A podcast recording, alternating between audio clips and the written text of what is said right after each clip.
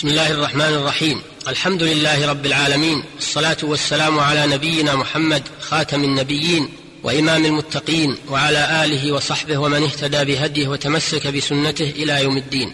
أما بعد أيها الإخوة المستمعون السلام عليكم ورحمة الله وبركاته. نتحدث إليكم في هذه الحلقة كسابقاتها عن أحكام القضاء في الإسلام. وكنا قد انتهينا إلى أحكام الإقرار لأنه أحد الطرق القضائية فليكن موضوع حديثنا في هذه الحلقة إن شاء الله.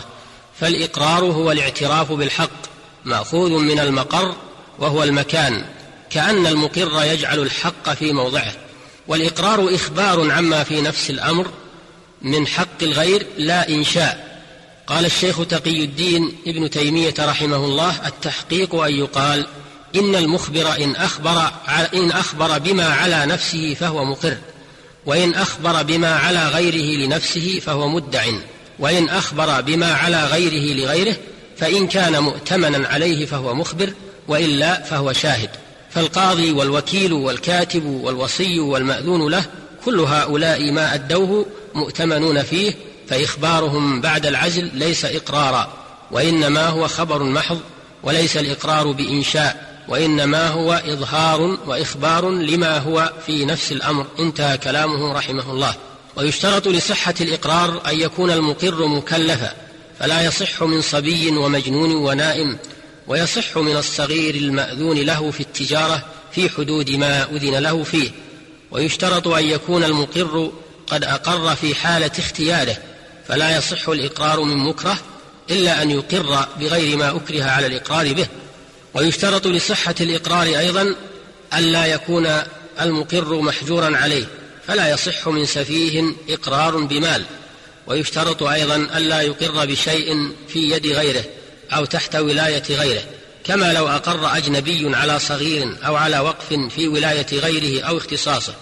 وإن ادعى المقر أنه أكره على الإقرار وأنه لم يقر باختياره قبل منه ذلك مع قرينة تدل على صدقه أو بينة على دعواه ويصح إقرار المريض بمال لغير وارثه في حال المرض لعدم التهمة في ذلك ولأن حالة المرض أقرب إلى الاحتياط لنفسه لما يراد منه. وإن ادعى إنسان على شخص بشيء فصدقه المدعى عليه صح تصديقه واعتبر إقرارا يؤاخذ به لقوله صلى الله عليه وسلم لا عذر لمن أقر. ويصح الإقرار بكل ما أدى معناه من الألفاظ كأن يقول لمن ادعى عليه صدقت أو نعم أو أنا مقر بذلك ويصح استثناء النصف فأقل في الإقرار. فلو قال له علي عشرة إلا خمسة لزمه خمسة. وقد ورد الاستثناء في كتاب الله عز وجل قال الله تعالى فلبث فيهم ألف سنة إلا خمسين عاما. واختار كثير من العلماء جواز استثناء أكثر من النصف. واختار كثير من العلماء جواز استثناء أكثر من النصف ويشترط لصحة الاستثناء في الإقرار أن يكون متصلا باللفظ. فلو قال له علي مئة ثم سكت سكوتا يمكنه الكلام فيه ثم قال زيوفا أو مؤجلة لزمه مئة جيدة حالة.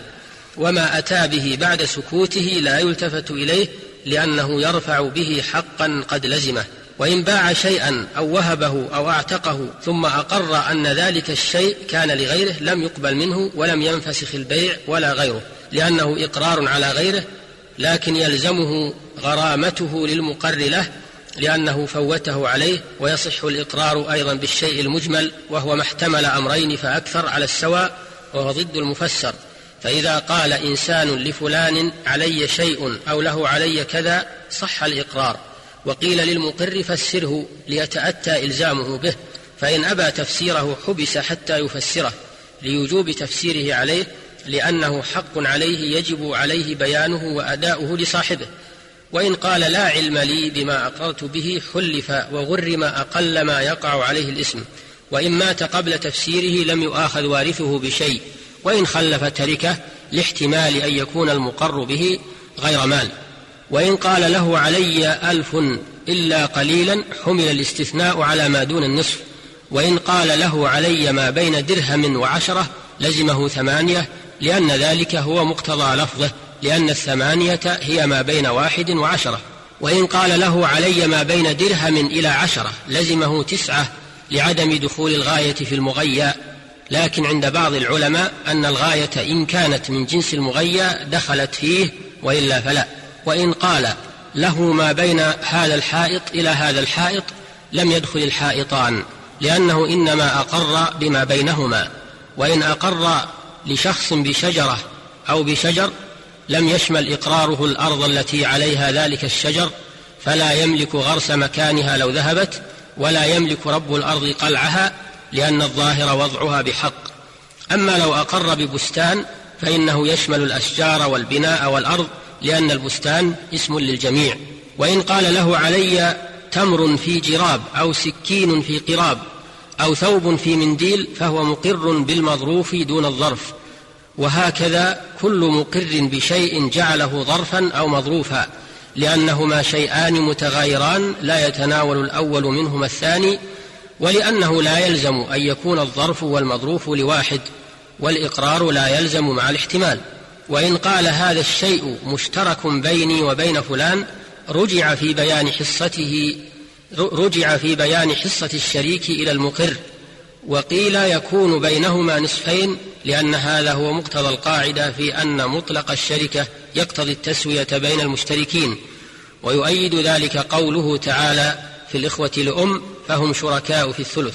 أيها المستمعون الكرام يجب على من عنده حق لغيره الإقرار به إذا دعت الحاجة إلى ذلك لقوله تعالى كونوا قوامين بالقسط شهداء لله ولو على أنفسكم وقوله تعالى وليملل الذي عليه الحق وليتق الله ربه ولا يبخس منه شيئا فإن كان الذي عليه الحق سفيها أو ضعيفا أو لا يستطيع أن يمل هو فليملل وليه بالعدل.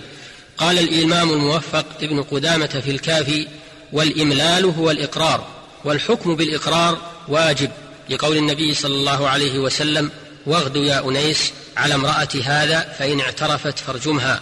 ورجم النبي صلى الله عليه وسلم ماعزا والغامدية بإقرارهم ولأنه إذا وجب الحكم بالبينة فلا أن يجب بالإقرار من باب أولى لأن الإقرار أبعد عن الريبة.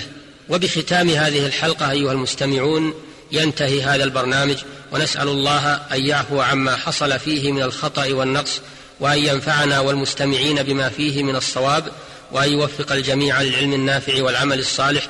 ونستودعكم الله والسلام عليكم ورحمة الله وبركاته. والحمد لله رب العالمين وصلى الله وسلم على نبينا محمد وآله وصحبه أجمعين. جزا الله معالي الشيخ خير الجزاء وجعلنا الله وإياكم ممن يستمعون القول فيتبعون أحسنه. وتقبلوا تحيات إخوانكم في تسجيلات الراية الإسلامية بالرياض. هاتف رقم أربعة تسعة واحد واحد تسعة ثمانية خمسة. والسلام عليكم ورحمة الله وبركاته.